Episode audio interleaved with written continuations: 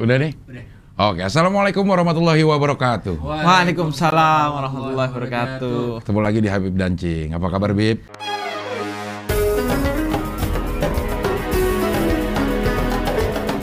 Alhamdulillah kabar Cing. Gimana Alham- kabar Cing? Alhamdulillah sehat. Kesibukan gimana, Bib?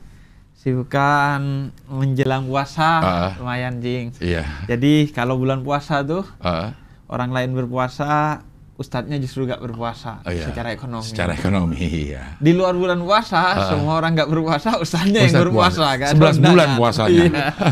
Nggak ada maulid sih. Ada, maulid lumayan. Ada Isra Miraj juga. Ada Isra Miraj sehari kalau maulid sebulan. Iya. Itu pun kalau ustadznya NU, kalau Muhammadiyah kan repot iya, juga. enggak ya. iya, tapi sehat yang penting ya, Bib ya. Iya, sehat. Iya iya bagi-bagi eh, waktu waktu itu memang kadang-kadang eh, waktu luang eh, kita lupa mensyukuri pada saat sibuk banget kayak baru kita perlu waktu luang ya. Mm-mm, mm-mm. sibuk banget akhirnya nggak punya waktu untuk diri sendiri Iya. gitu. Ya ya Masih mending kalau nggak punya waktu untuk Allah yang repot. nah bahaya itu ya kadang-kadang kita di eh, apa namanya dikelabui dengan wah ini gua kerja nih untuk ibadah. Padahal itu justru melupakan eh, hubungan kita sama Allah ya Dan biasanya berbanding lurus, Cing. Ah. Antara orang yang nggak memiliki waktu untuk dirinya, biasanya dia tidak akan memiliki waktu untuk Allah. Oh. Orang nggak punya waktu untuk Allah, biasanya nggak punya waktu untuk dirinya. Makanya doa-doanya para nabi itu eh, Rabbana dhalamna anfusana wa in lam taghfir lana wa tarhamna la- lanakunanna minal khasirin. Ah. Bahwa wahid ya Allah, aku mendolimi diriku sendiri Ah. dengan tidak memberi waktu perhatian kepada diri Ah. kita sehingga kemudian kita berdosa kepada Allah. Artinya akhirnya nggak ngasih waktu juga kepada Allah. Ah. Begitu juga kalau kita nggak ngasih waktu ke Allah ya ke diri sendiri apalagi nggak akan ngasih waktu. Eh, zolim itu artinya ya tidak Iya, artinya zolim. Zolim itu kan eh, tidak meletakkan sesuatu pada tempatnya. Hmm. waktunya tidur kita begadang karena harus ada yang dikerjakan itu juga termasuk zolim Termasuk zolim. Eh, tapi itu kayaknya nggak begitu banyak yang begitu. Yang, le- yang lebih banyak justru yang sebaliknya waktunya bekerja dia tidur. Ya, ya, iya. Itu- kan ada itu orang ya kerjaannya eh, makan tidur, makan tidur. Iya, makan tidur. Eh, Termasuk ada jokes di bulan puasa kan, kalau tidurnya orang eh, berpuasa itu pahala. Ibadah. Ibadah. Heeh. Kerja juga ibadah. Iya. Apalagi tidur di tempat kerja. Iya. Double double ibadahnya. Aduh. Padahal double double doublenya itu Iya. ya. Iya, Kirain iya. mau bilang tidur aja ibadah, apalagi kerja. kerja. Enggak, iya. Enggak, tidur di tempat kerja dia pengen dapat double. Oke, di kali ini kita akan eh, ngaji dan eh, mentadaburi eh, mentadaburi eh, surat eh, Al-Kautsar. Dia apa surat Al-Kautsar ini? Makiyah atau Madaniyah untuk ini? Nah, pertama Al-Kautsar itu artinya sungai di surga. Oke. Menurut para ulama artinya yang populer Ah, adalah eh, sungai di surga. Ah. Nah, dia ini eh, mayoritas ulama bilang ayatnya makiyah. Karena Suratnya pendek-pendek surat ya, makiyah. Surat makiyah. Tapi tidak sedikit juga ulama yang menyebut ini adalah surat madaniyah. Hmm. Saking eh, banyaknya juga yang menyebut madaniyah dan lebih banyak lagi yang menyebut makiyah, Hmm. sampai sebagian ulama menilai surat ini eh, turun dua kali kepada Nabi Muhammad. Yaitu Dengan di redaksi yang sama. dan di Madinah. Iya, dengan redaksi yang sama. Di Mekah dan di Madinah. Oh. Karena saking eh, sama-sama relatif kuatnya dua Ah. pendapat ini. Ah. Nah, yang di yang menyebut ini adalah surat Makiyah Ah. itu mengacu kepada eh, satu kata dalam surat ini yaitu abtar. Ah. Abtar ini artinya yang terputus keturunannya, Jing. Ah. Yang terputus keturunannya. Dan itu mengacu kepada orang musyrik asbabun nuzulnya ya, Ya. mengacu kepada orang-orang musyrik yang mengejek Nabi Muhammad Ya. karena keturunannya terputus. Ah. Lantaran wafatnya eh, salah satu putranya Ah. yang bernama eh, Qasim atau Abdullah. Ah. Jadi Nabi Muhammad itu kan disebut juga Abul Qasim, ayahnya Qasim. Qasim, Qasim, ya. ini anak lakinya Nabi Muhammad wafat dan setelah wafat orang-orang musyrik bilang, "Ah, nggak punya anak udah lu." Ah, bukan nggak punya anak, nggak punya keturunan. Nggak punya lu." keturunan. Karena keturunan kan dari jalur laki-laki di Arab pada saat itu. Iya. Nah, Nabi Muhammad udah nggak punya anak laki-laki, makanya terputus loh. Ah. Nah, kemudian Allah menurunkan ayat ini Ah. untuk menjelaskan kepada Nabi Muhammad dan menguatkan serta membuat gembira hati Nabi Muhammad Shallallahu Alaihi Wasallam sebagaimana nanti eh, kita akan bahas. Ah. Nah, eh, di sisi lain ada yang bilang ini surat Madaniyah. Madaniyah. Heeh. Mengapa? Karena yang pertama dia mengacu sebagian ulama mengacu kepada satu kata juga di surat ini. Ah. Uh, Inna atainakal kausar fasalli li rabbika. Wanhar. Inhar. Inhar itu uh, menurut sebagian ulama uh, menyatakan bahwa uh, inhar itu menurut sebagian ulama kan artinya adalah menyembelih Ya. hewan dan dan menyembelih hewan itu mengacu kepada Kurban. Idul Kurban. Iya. Menyembelih di waktu Idul Adha dan artinya itu di periode Madinah karena kewajiban itu sudah di periode Madinah. Oke. Meskipun menurut sebagian ulama yang lain eh, menyembelih hewan kurban itu bukan dilakukan saat perintah menyembelih hewan kurban itu diturunkan, Ah. tapi sebelumnya orang-orang Arab baik yang non Muslim sekalipun Ah. itu memiliki tradisi menyembelih. Ada ritual kurban. gitu ya? Ada ritual menyembelih hewan kurban Ah. sebagai bentuk eh, syukur lah persembahan kepada berhala mereka, Ah. kepada Tuhan-Tuhan yang mereka yakini. Ah. Jadi eh, masih dua pendapat. Eh, Yang Madaniyah juga mengacu kepada salah satu hadis dari Sahih Muslim eh. Di mana yang menceritakan ini adalah Anas bin Malik. Ah. Anas bin Malik katanya pernah duduk bersama Nabi, kemudian Nabi tiba-tiba tertegun gitu. Kemudian Nabi bilang, satu surat turun kepadaku. Ah. Kemudian kata Nabi, tahukah kamu Al-Kausar itu apa? Kemudian para sahabat jawab, Allah dan Nabinya yang lebih tahu. Ah. Maka kemudian, nah ini ini bedanya kita sama sahabat Nabi, Jeng. Ah. Jadi kalau sama yang lebih pintar bilang, oh kamu yang lebih pintar Hmm. yang tahu. Kalau Hmm. kita kan nggak sok tahu kita. Pinter-pinteran. Iya, tahukah kamu yang dimaksud ini? Tahu. Tahu lah. Emang apa? Mikir Bentar, dulu dia. Google dulu. Google Oh, dulu. oke, gitu. ya. Gitu. Kalau sahabat Nabi enggak.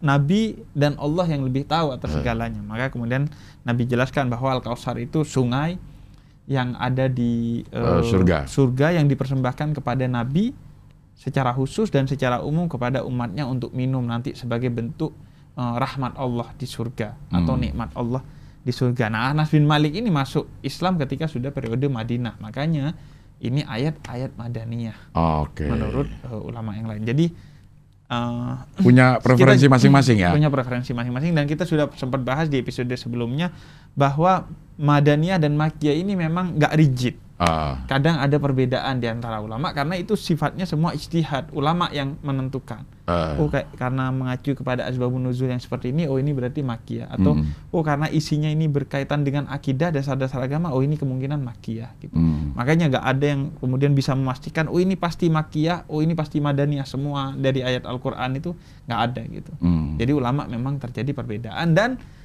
perbedaan dua orang pinter itu rahmat. Rahmat. perbedaan dua orang bodoh itu bencana. Bencana, musibah. Iya, iya, iya, iya, iya, iya. iya. Jadi kalau orang pintar Hmm. berbeda, dia saling memahami, saling berdiskusi dan saling menerima, Ya. walaupun berbeda saling tetap mencintai. Ya. Nah, kalau orang bodoh berbeda pendapat, debatnya nanti di atas kuda biasanya. Ah. Debat kusir. Debat kusir. Iya. Jadi akhirnya udah kacau balau, saling membenci, Iya. bahkan saling memfitnah, mem- menghabisi, membuli dan lain sebagainya. Iya. Jadi kalau dari segi turunnya ayat seperti itu, Iya, iya. terjadi perbedaan di antara para ulama. Ya itu catatan penting ya, walaupun yang berbeda, kalau orang-orang pinter memang menjadikan perbedaan itu sebuah rahmat. Karena siapa tahu memang sisi sana yang benar, tapi Iya. gue juga percaya dengan kebenaran eh, yang gue anut. Iya.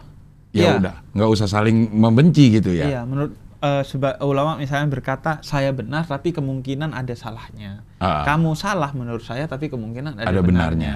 Hmm. Imam Malik misalnya dengan Imam Abu Hanifah itu berbeda tidak kurang dari 14.000 permasalahan fikih. Oh, banyak. Banyak banget. Eh, Tapi ketika Imam Malik ditanya, Imam Abu Hanifah itu menurut lu siapa sih? eh, Kata dia seorang yang sangat cerdas, saking cerdasnya sampai kalau lu bilang, coba lu buktikan bahwa tiang kayu ini adalah emas, Imam Abu Hanifah bisa berargumen sehingga lu yakin bahwa tiang kayu itu adalah emas. Saking, Saking cerdasnya, cerdasnya. dalam berargumen. Eh, Nah, yang muji Imam Malik yang berbeda dalam 14.000 Dan 14.000 permasalahan, permasalahan. dengan Imam Abu Hanifah. Makanya perbedaan dua orang pintar itu rahmatnya. hmm, Karena akhirnya kita semakin luas pengetahuan kita. hmm, Kalau perbedaan dua orang bodoh semakin sempit justru. hmm. Semakin menghabisi. Oh enggak, lu salah, salah. Akhirnya udah. Debat kusir. Nah, kalau ini oh iya ya, oh iya ya, oh iya ya, semakin luas gitu. Ya. Debat kusir dan bisa diselesaikan dengan kasir. Wah, Iya, kalau dapat duit udah kelar. Iya, karena kalau beda pendapat gak begitu bermasalah. Ah. Yang bermasalah banget itu kalau beda pendapat. Nah. Iya, iya, iya. Nah, tambah-tambah kurang-kurang kali-kali gak apa-apa kita Jago. gak tahu. Iya. Kalau bagi-bagi harus jago. Iya. Kadang malah nggak bisa, nggak mau bagi-bagi. Nah, ini video tafsir apa matematika atau ekonomi ya atau bisnis. iya, iya, iya, iya. Oke, kita masuk ke eh, eh, s- eh, surat eh, Al-Kausar ini. Iya. Sering banget dibaca saat eh, sholat Id Idul Adha. Biasanya kalau di Palapa ini ayat kedua Atau Ina Al-Kausar. Ya, nanti kita tadi sudah sempat disinggung dan nanti kita tebelin lagi Eh. Oke. bahwa karena kata inhar itu mengacu kepada menyembelih hewan kurban. Berkurban. Ya. Nah, jadi itu yang ini. Sekaligus juga kemarin, Jing. Nah, ini eh, di episode Al-Kafirun, Ah. Jing Abdul bilang, ayah saya itu eh, Sering baca sering baca maghrib. Maghrib Eh, itu kuliah dan kulhu. Nah, dan subuh juga. Iya. Dan subuh juga. Ternyata itu memang setelah saya baca-baca dalam kitab, Ah, ah. memang eh, ada hadis yang menyebutkan Nabi itu memang sering membaca kulhu Ah. dan kuliahul kafirun itu eh, di subuh dan di waktu maghrib. Oh. Nah, kemarin kan saya bilang sependek pengetahuan saya, Benar. enggak, Iya, iya. Kecuali witir. Ah, kecuali witir. Ah. Nah, setelah saya agak panjang Panjangin dikit. pengetahuannya, Iya, saya iya. belajar lagi. Nah, Ah. ternyata Ada iya, hadis itu. ada hadis. Sering ya, bukan bukan setiap maghrib. Enggak, ya? enggak, enggak, enggak. Kalau- setiap enggak. Ah. Tapi eh, sering melakukan itu beberapa kali. Ah. Nabi melakukan itu sehingga kemudian eh, itu sebagai bentuk eh, ikuti sunnah Nabi, Hmm. menghormati, beradab kepada Nabi dan lain sebagainya. Ah. Wah, berarti bokap gue oke juga ya. Oke, enggak saya saya sampaikan ini takutnya Cing Abdel jadi eh, durhaka nanti sama bokap. Bokap kok bikin Mengada-ada nih. Mengada-ngada. Wah, bid'ah nih. Eh, bo- bokap masih ada atau udah nggak ada? Udah meninggal, tapi sebelum meninggal dia hidup. Oh iya Ah. iya iya iya iya iya Iya, iya sih, biasanya begitu. biasanya enggak Cuman- biasanya pasti begitu enggak gua takut wah bokap gua nggak ada ngada nih Eh. gua boykot deh kirim fatihah ke beliau Waduh, enggak, enggak loh. Masih ngirim, masih ngirim. Ya, ya. Insya Allah ya, karena katanya doa anak yang soleh itu jadi eh, amal yang enggak terputus. nggak terputus dan eh, pasti sampai. Pasti sampai ya. fatihah kita pasti sampai Ah, karena buktinya nggak balik lagi Iya, ya. paket kan kalau dikirim nggak balik berarti nyampe Benar. Iya, iya. Kalau fatihahnya kan nggak balik lagi kita Iya. berarti nyampe atau eh, bokap gue juga nggak nyamperin gue, mana lu nggak ngirim-ngirim gitu ya. Iya, iya. Ya. Iya. Makanya itu juga eh, penting sebagai bakti kita kepada orang tua Ah. tidak pernah terputus meskipun eh, nyawanya sudah tiada. Ah, Jadi bakti itu terus bisa ini. Ah. Makanya untuk kita bisa berbakti kepada kedua orang tua yang sudah wafat, pertama adalah dengan memantaskan diri kita sebagai anak soleh. Hmm. Karena doanya anak soleh yang diterima, oleh Allah meskipun eh, yang didoakan dari orang tua itu sudah wafat. gitu. ah, ya, ya, ya. Jadi memastikan dengan jadi anak soleh agar bisa terus mendoakan kedua orang tua kita walaupun sudah wafat. Insya Allah mudah-mudahan gue termasuk anak yang soleh walaupun nama eh, bapak gue Kasim Iya. anaknya Kasim gitu bukan bukan soleh sih ya. oke kita masuk ke ayat pertama Bib Iya. Bismillahirrahmanirrahim Inna a'toina kal kautsar Iya. Nah, inna a'taina A'taina. kal kausar. Sesungguhnya kami yakni Ya. Allah telah menganugerahkan al kausar. Ah, Ah, menganugerahkan kepada siapa? Kepada Nabi Muhammad Shallallahu Alaihi Wasallam. ya Baik sebagai nabi maupun sebagai manusia biasa. Hmm. Jadi Al Kausar ini berupa eh, surga nantinya yang di bawahnya ada telaga Al Kausar Mm. atau menurut pendapat lain kebaikan, kebajikan-kebajikan dan nikmat-nikmat itu diberikan kepada nabi sebagai beliau nabi dan rasul ataupun sebagai pribadi.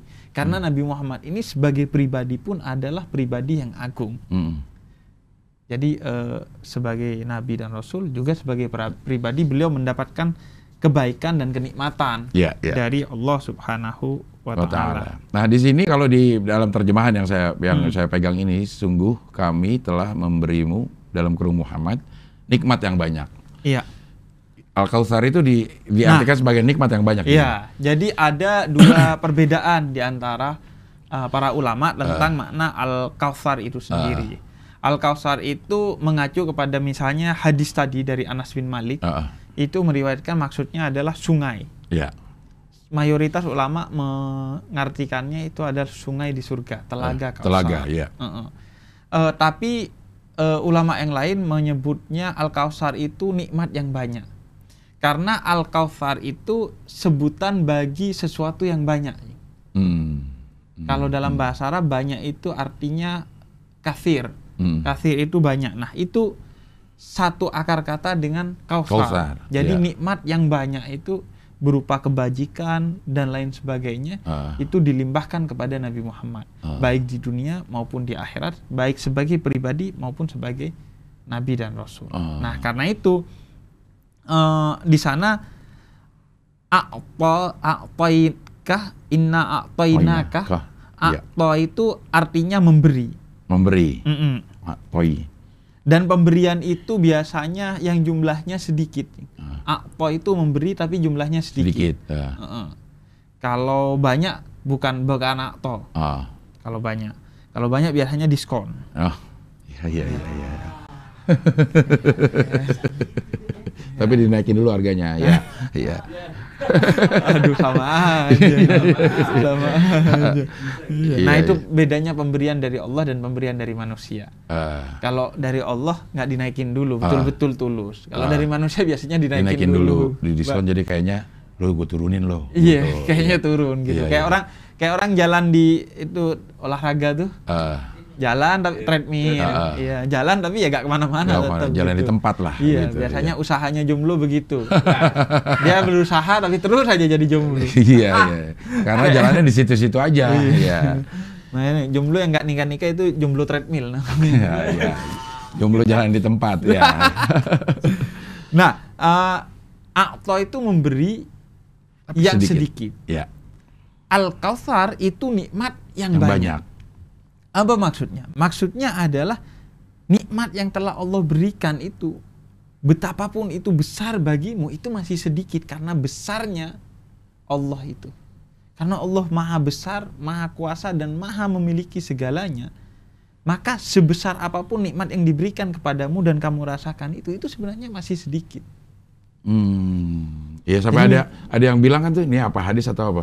Kalau lu jadiin semua air laut ini tinta dan semua batang pohon jadi pulpen, lu nggak bakal bisa eh, nulisin semua nikmat yang telah diberikan oleh Allah. Iya, itu Saking itu banyaknya. ayat ayat Al-Qur'an. Ayat Al-Quran malah itu. Heeh, dan itu maksudnya lu tidak bisa menjelaskan tentang Allah itu sendiri. Heeh. Saking maha segala-galanya Allah dan juga eh, kata Allah bahwa nikmat itu eh, kalau kamu hitung nggak akan mampu. Nggak akan mampu ya.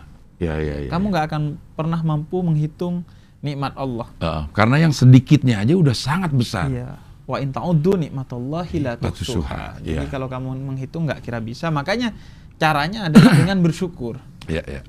dengan bersyukur. Iya, Makanya uh, ada satu kisah orang kemudian itu di restoran lagi makan. Iya. kemudian ngelihat orang pengemis di luar lagi kayak kelaparan. Hmm. Akhirnya dia belikan makanan dia kasih ke pengemis itu, ditraktir makan. Setelah itu dia mau bayar, Hmm. mau bayar kemudian kata kasirnya karena kasirnya ngelihat dia bantu nggak nggak nggak usah bayar. Loh kenapa? Kata dia karena gue gak punya kalkulator untuk menghitung kebaikan. Wow. Ya ya ya ya. ya.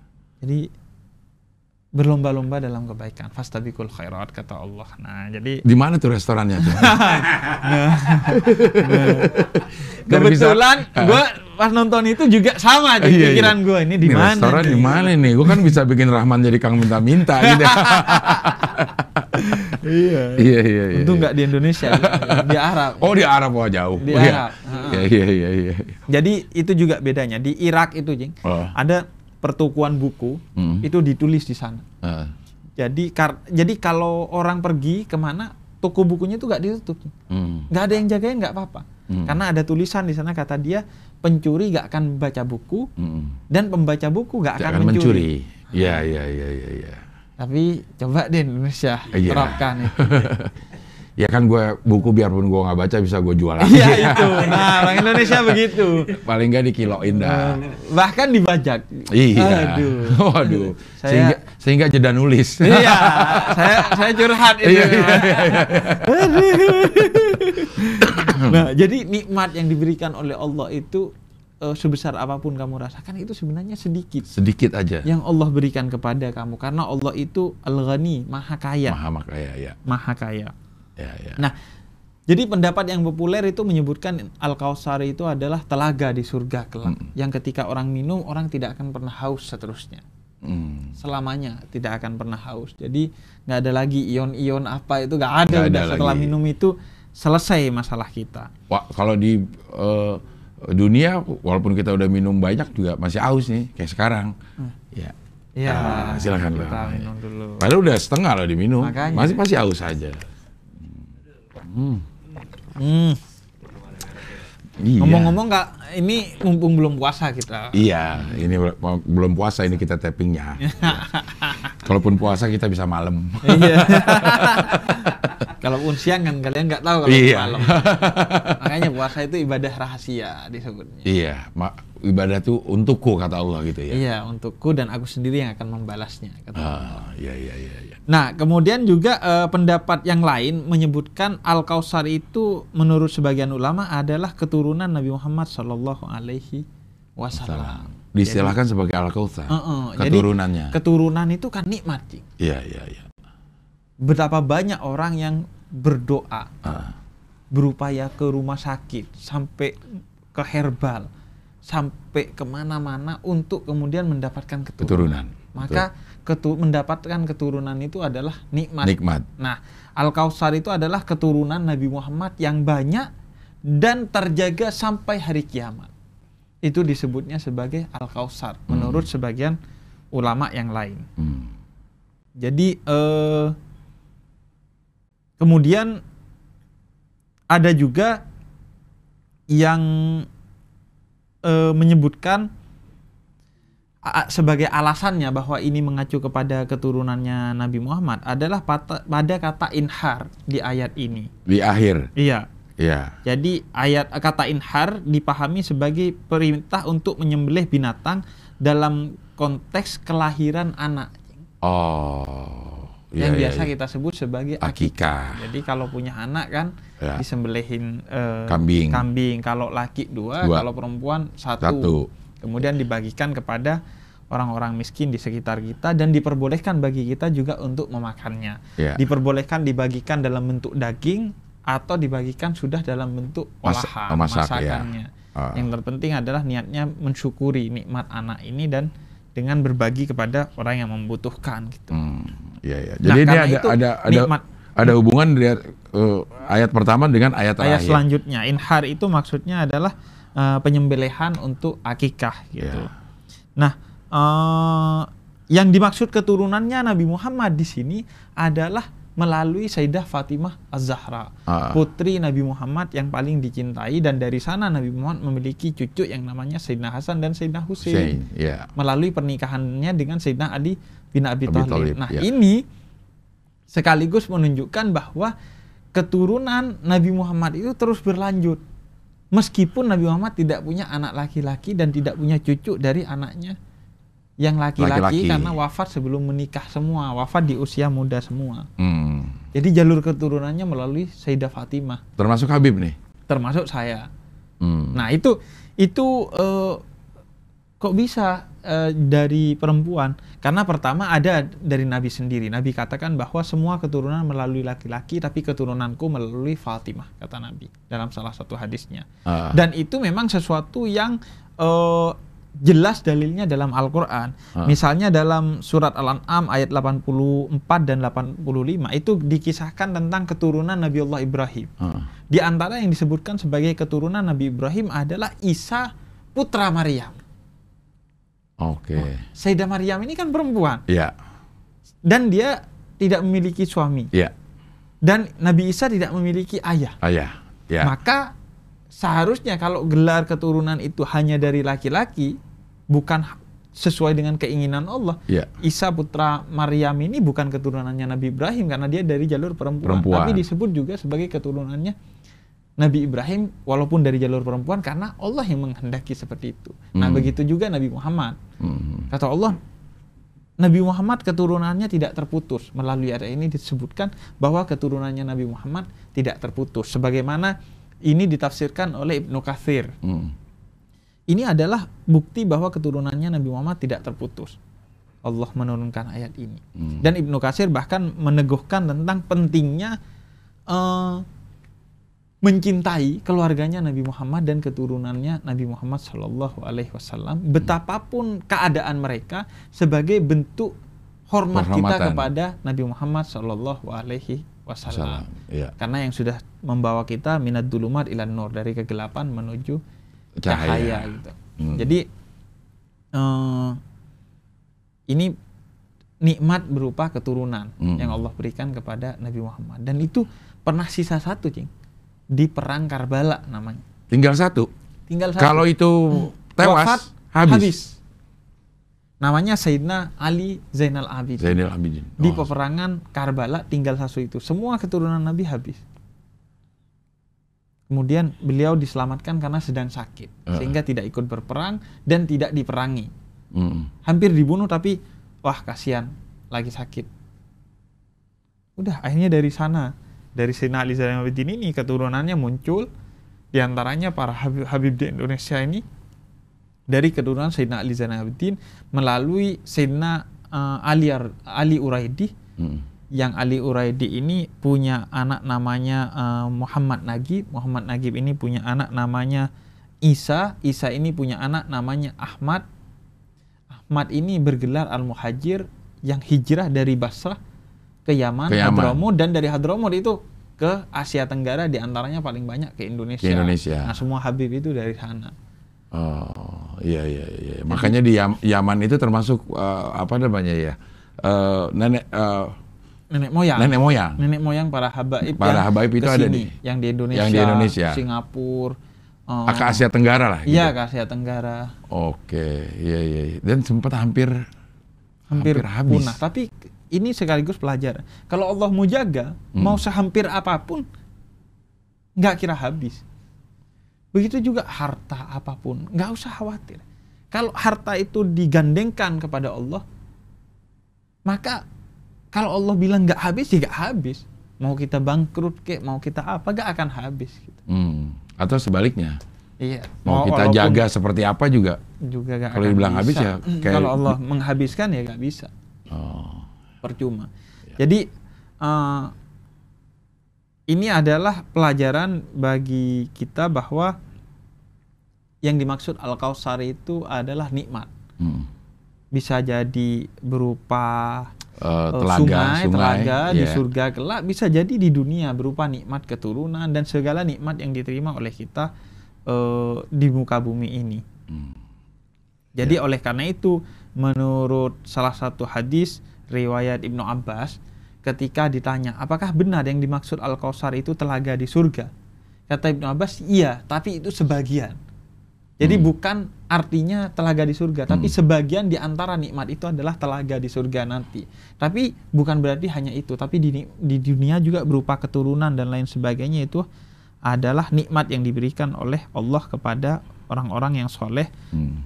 eh, dari sejak nabi, rasul dan umatnya. Ya. Termasuk harta yang kita punya di dunia ini bisa disebut al-kausar juga. Iya. Nikmat di dunia ini Apa pun asalkan itu. itu. tidak didapatkan dari yang haram, Eh. asalkan itu dikeluarkan zakatnya, maka itu adalah nikmat juga. ya. Iya. Ya.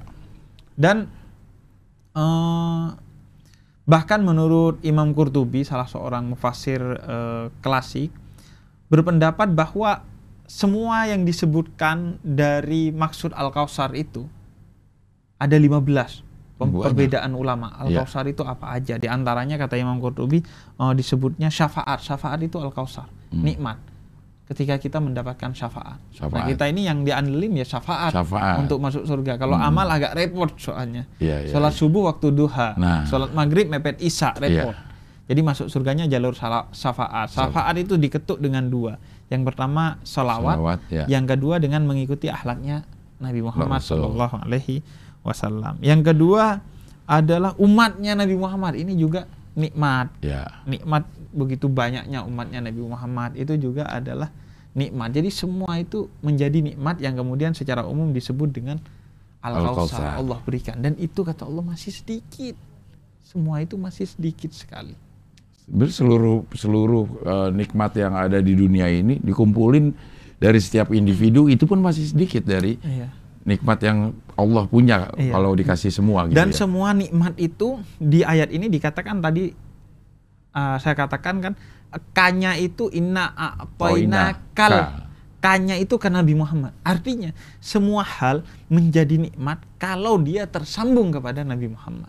Kalau dia tidak tersambung kepada Nabi Muhammad, dia tidak menjadi nikmat dan dia tidak akan pernah menjadi mulia. Karena tersambung itu- ini maksudnya apa, Bib?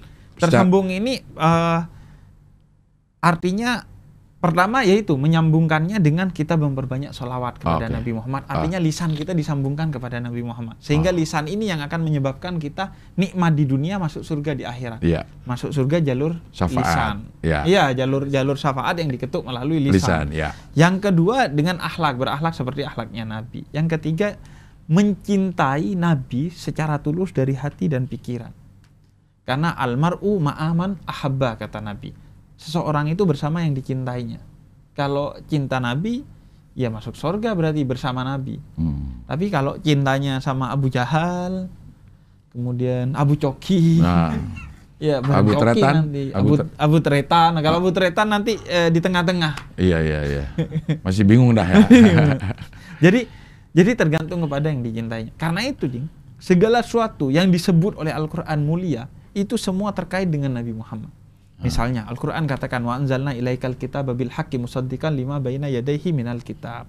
Al-Qur'an itu mulia kata Allah. Kitab yang paling mulia bahkan membenarkan dan mengoreksi kitab-kitab sebelumnya. Kenapa? Karena Al-Qur'an itu kitabnya Nabi Muhammad. Hmm. Makanya kitab yang paling mulia.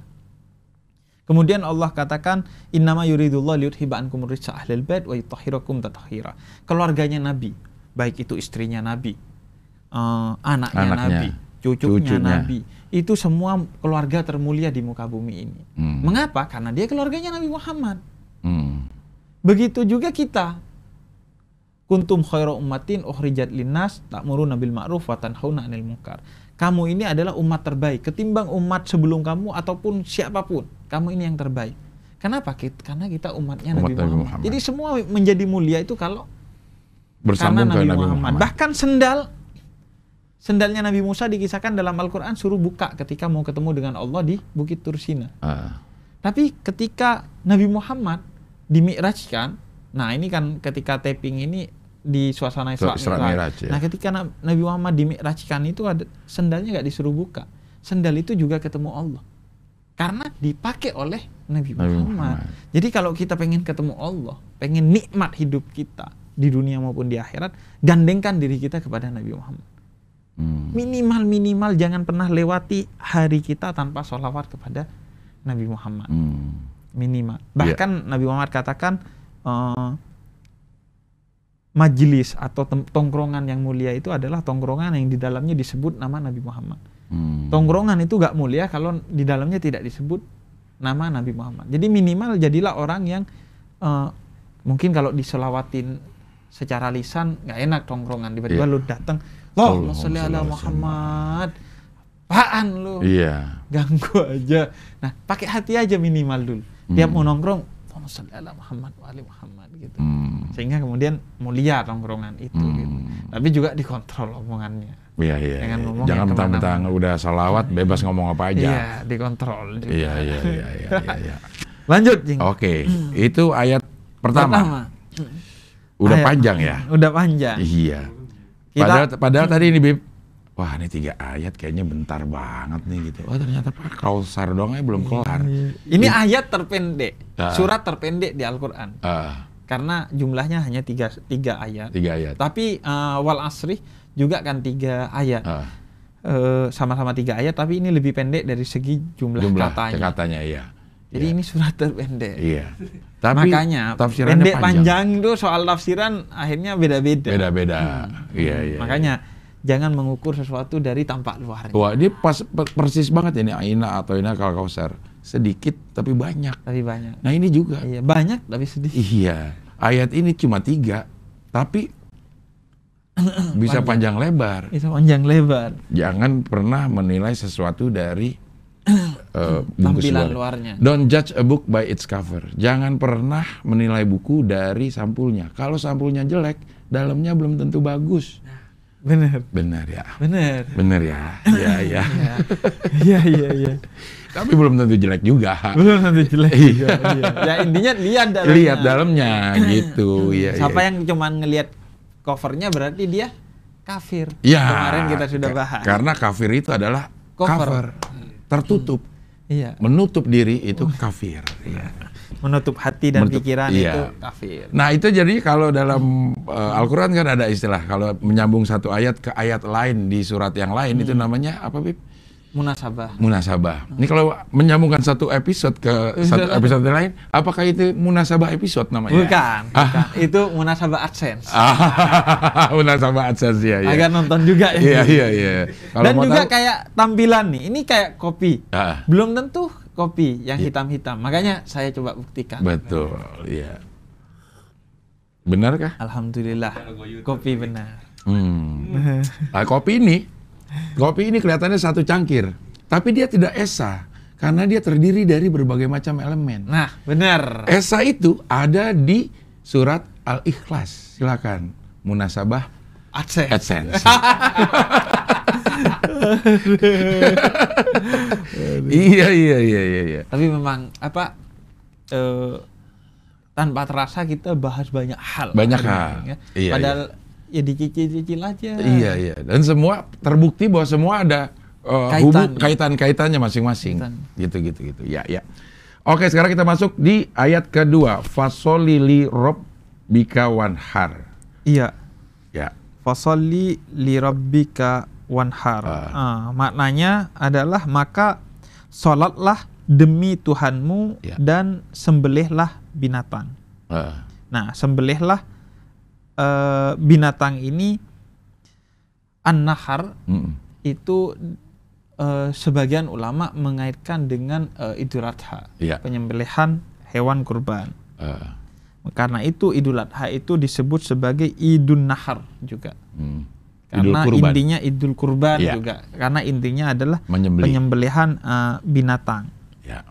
Ya. Jadi konteksnya ada yang juga menyebutnya konteksnya adalah akikah. Akikah. Tapi secara umum adalah menyembelih hewan sebagai bentuk syukur kita Uh, kepada Allah Subhanahu wa taala. yang dibagikan ke uh, fakir miskin. Ke fakir miskin. Ya ya. Nah, eh fasalli maka kata Allah maka sholatlah demi Tuhanmu. Ah, Eh, sebagian ulama menyebut yang dimaksud di Mm. Ayat ini sholat itu adalah sholat Idul Adha. ah, Sebagian ulama menyebut sholat yang dimaksud adalah sholat lima waktu. ah. Tapi sebagian ulama juga menyebut sholat yang dimaksud adalah beribadah secara umum. Hmm. Mengapa beribadah secara umum? Karena kalau Allah mengatakan sholat, Allah biasanya pakai kata akimus sholat, sholat. tegakkan sholat. Iya. Tapi ketika Allah di sini fasalli maka sholatlah. Eh, sholat itu bisa berarti juga doa. Dan doa itu adalah inti dari ibadah. Kemarin kita sudah sempat Iya. bahas.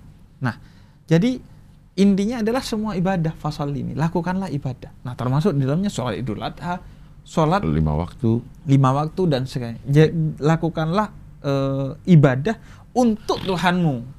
Nah, Ya, ya, bukan untuk yang ya. lainnya. yang lain. Bukan untuk pencitraan, Hmm. bukan untuk AdSense, bukan untuk apa pun. Hmm, karena Tapi betul-betul untuk Allah. karena emang sekarang banyak tersinyalir orang-orang yang melakukan itu untuk pencitraan banyak ya. Banyak. Ya. Eh, Ke- misal- Terlihatnya ya yang tertampak tertampaknya. Mudah-mudahan memang memang niatnya memang adalah murni ibadah, tapi kelihatan seperti pencitraan itu juga ada ya. Iya, karena eh, kadang juga kan yang terlihat seperti pencitraan, kadang niatnya juga Niatnya- pencitraan. Ah iya. Iya, kan iya. Niatnya pencitraan. tapi ada juga yang yang niatnya eh, tulus tapi kelihatan seperti ikhlas. Iya, iya, iya, iya, iya, iya. Nah, jadi eh fasolli itu adalah artinya sholatlah atau beribadahlah Hmm. secara umum untuk Tuhanmu. Jangan kepada selainnya. Karena gini, Cing. Apa sih yang kurang ketika kamu sudah memiliki Tuhan? Hmm. Ketika kamu sudah memiliki Allah, apa yang kurang dari dirimu? Hmm. Nggak ada udah, nggak ada yang kurang. Kamu punya Allah kok. Dan apa yang mau kamu rasa sebagai cukup dan kamu banggakan kalau kamu masih belum memiliki Allah? Harta, tahta, apa pun percuma kalau nggak punya Allah. Jadi lakukanlah segala sesuatu lillahi ta'ala. Ta'ala. Inna solati wa nusuki wa mahyaya wa mamati lillahi rabbil alamin. Ibadahku, solatku, hidupku, matiku untuk Allah subhanahu wa ta'ala. Tidak untuk yang lain. Semua ini hanya sandiwara saja, hanya bayang-bayang. Jadi jangan untuk yang lain. Makanya semua niat ibadah ujungnya lillahi taala. ya? Lillahi ta'ala, bukan untuk yang lainnya. Iya, iya, iya, iya. Dan di eh, apalagi sholat ya, kalau kita mengacu pada penaf- eh, pendapat ulama yang menyamangat- menyatakan ini sholat. Salat, soli ini sebagai salat. Soli. Karena sholat ini eh, ibadah yang paling penting. Hmm. Karena dalam sholat ini semua rukun Islam ada. Dalam sholat kita baca syahadat. Bahasa syahadat. Dalam sholat eh, kita zakat, Hmm. zakat waktu Ya. digunakan untuk sholat yang biasanya bisa digunakan untuk kerja, main Iya. game dan lain sebagainya.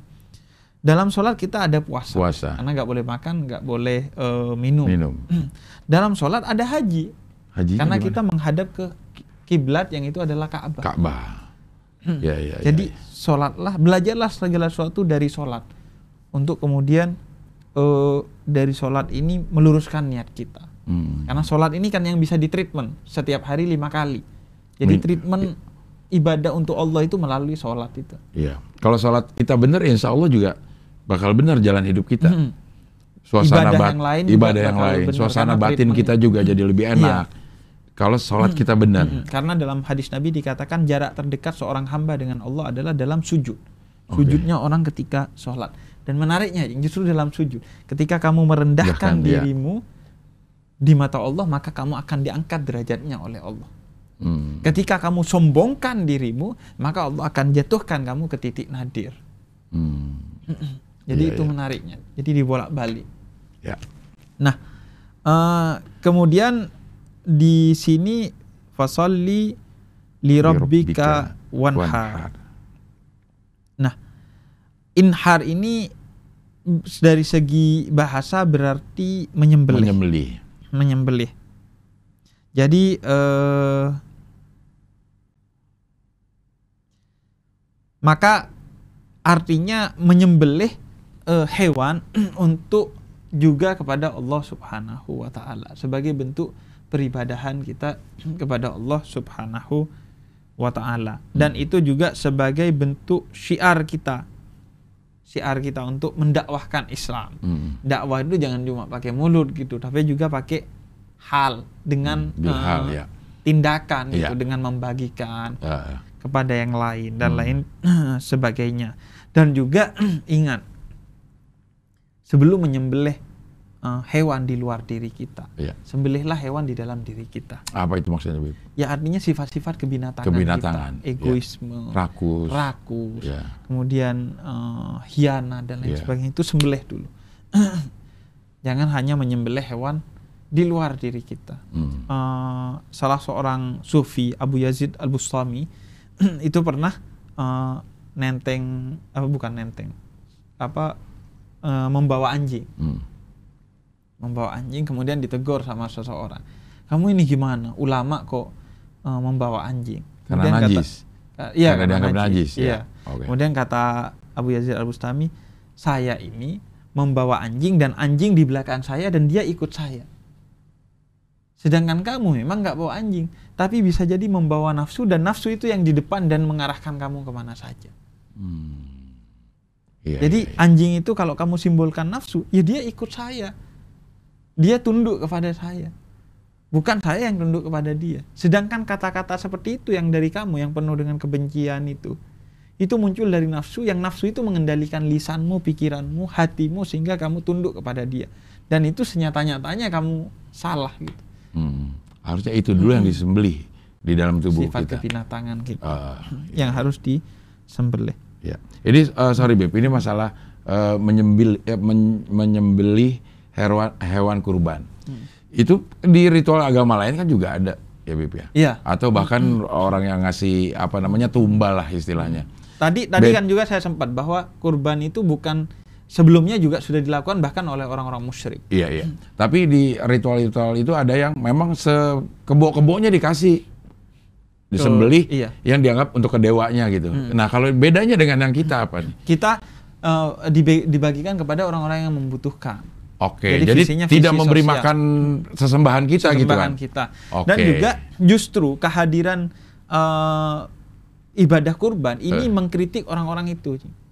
Oke. Itu disebutnya orang-orang masohis. Ah, Orang-orang masohis ini orang-orang yang menyembelih bahkan anaknya ah, untuk sebagai persembahan kepada dewa. oh, Nah, sama Allah kan awalnya Nabi Ismail ah, yang mau disembelih. ah, Nabi Ismail bahkan menurut Nabi menurut ulama lain menurut sahabat Nabi juga sebagian ada yang menyebutnya yang mau disembelih itu bukan Ismail tapi Ishak. Ishak, ya. Ishak. Tapi ya kita nggak usah ributin itulah. Iya. Toh sama-sama nggak disembelih akhirnya. Iya.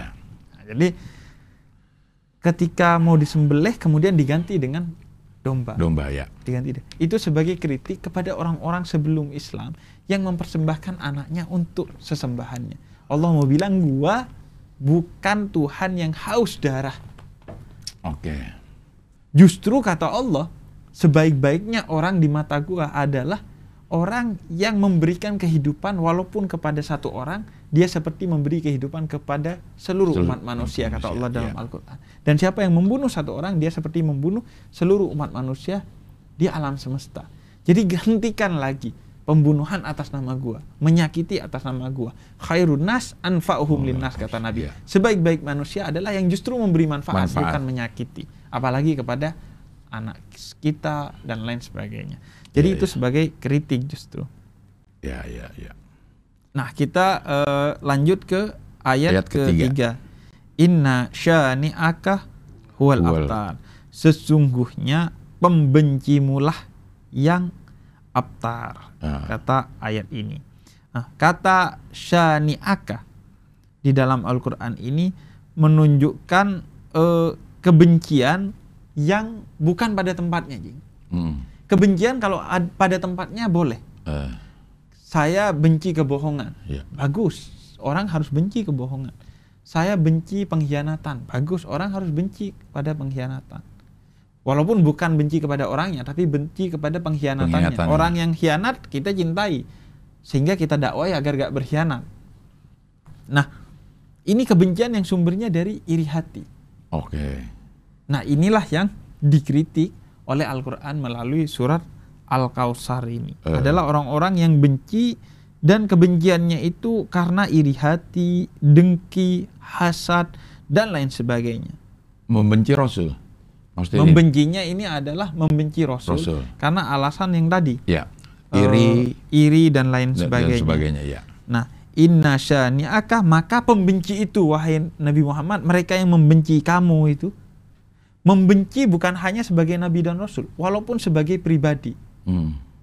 Hmm, hmm. Kebencian kepada nabi itu secara umum tidak diperbolehkan, walaupun kepada pribadi bahkan kita harus selalu melakukan adab termulia kita kepada Nabi Muhammad Shallallahu alaihi wasallam sehingga eh, Sayyidina Umar itu mengatakan saya mencintai Nabi Muhammad melebihi kecintaan saya kepada orang tua saya dan kepada diri saya sendiri kata Sayyidina Umar radhiyallahu an Hmm.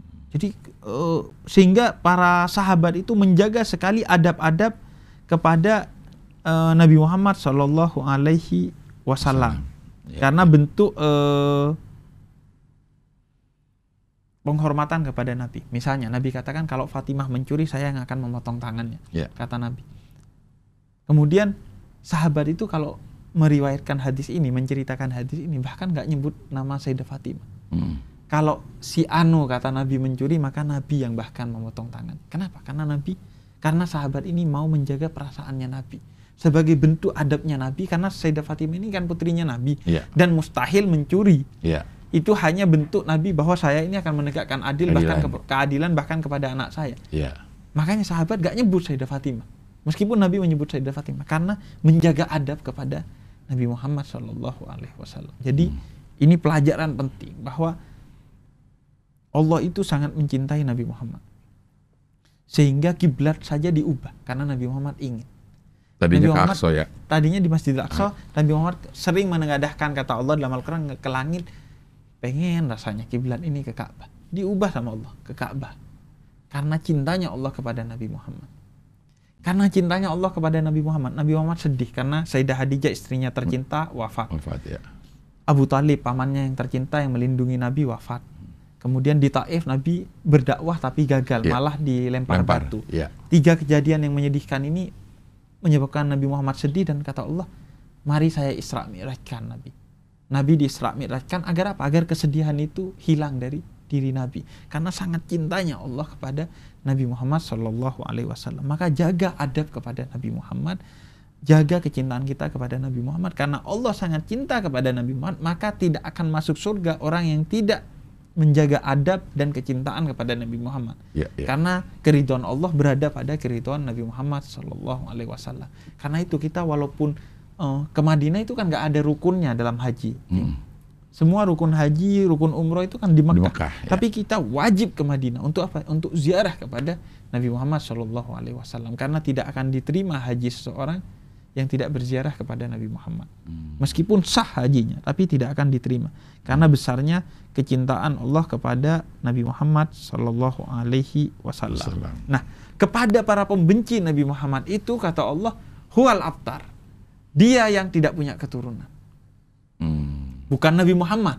Kamu bilang Nabi Muhammad tidak pu- punya keturunan, Nabi Muhammad punya keturunan dan banyak dan sampai hari kiamat keturunan itu ada. Hmm. Justru engkau para pembenci Nabi Muhammad itu yang tidak punya keturunan. Hmm. Udah diteliti belum? Ternyata memang habis keturunan. Nah, ini yang dimaksud tidak punya keturunan itu adalah bukan hanya habis, Cing. Hmm. Tapi punya keturunan tapi gak ada gunanya. Oh, Oke. Jadi misalnya eh, disebabkan apa disebutkan dalam beberapa kitab tafsir, misalnya yang dimaksud abtar ini adalah Walid bin Mughirah, orang yang membenci Nabi Muhammad Shallallahu Alaihi Wasallam. Dia punya 11 orang anak, tapi 11 11-nya itu gak ada yang melanjutkan misinya Walid bin Mughirah sebagai ayahnya.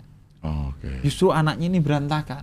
Ah, ya, ya. ya. Nah, buat apa punya anak kalau berantakan Benar. gitu. Seperti itu. Mending nggak punya anak kadang kita mikirnya ya punya anak begini ya, banget gitu. Ah. Akhirnya ya Allah, kenapa gak mati pasti dalam perut lo kalau Iya, gini kata iya. orang Madura swasta gitu aja. Ah.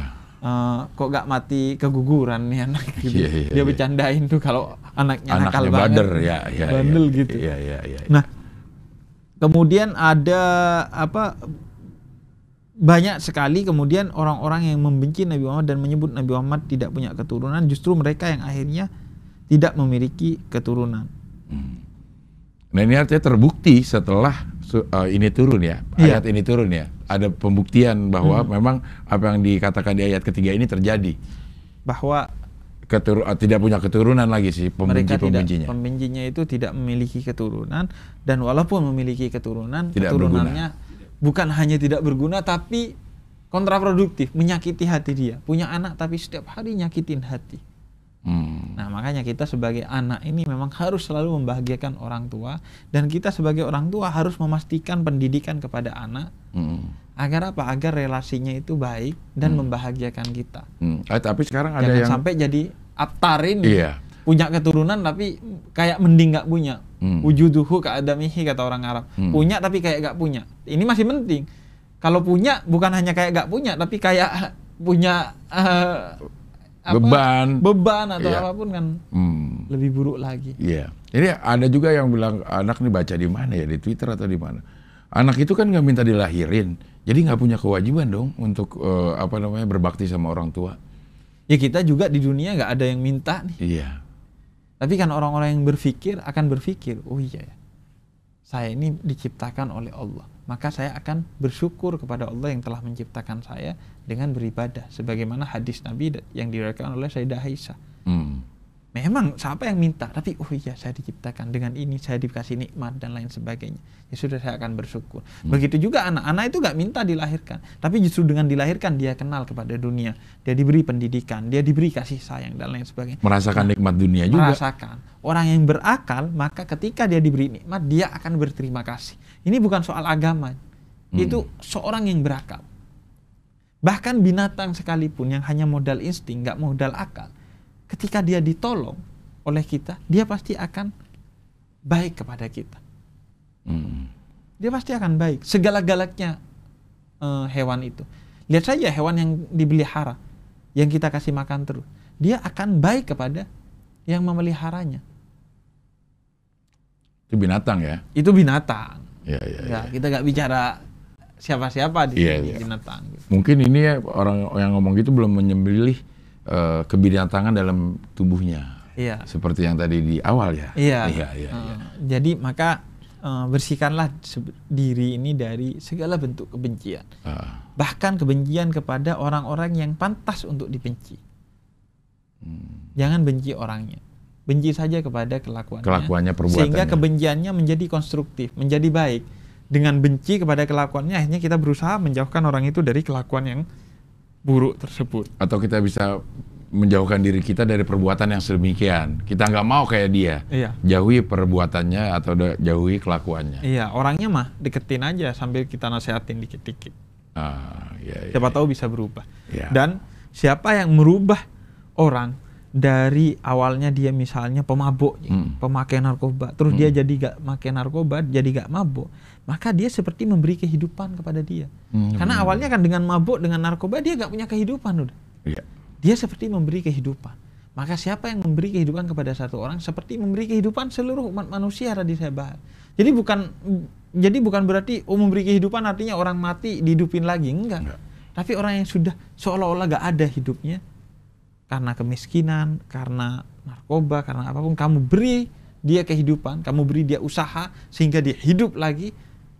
Dia gak punya jodoh, kamu bantu dia dapat jodoh sehingga dia hidup lagi Hmm. dia narkoba kemudian kamu rehabilitasi sehingga dia hidup lagi maka itu seperti menghidupi seluruh umat manusia Besar pahalanya. ya seperti menghidupi seluruh umat manusia Iya, iya, iya. wah itu udah tiada terkira gitu Hmm. Ya, ya, ya.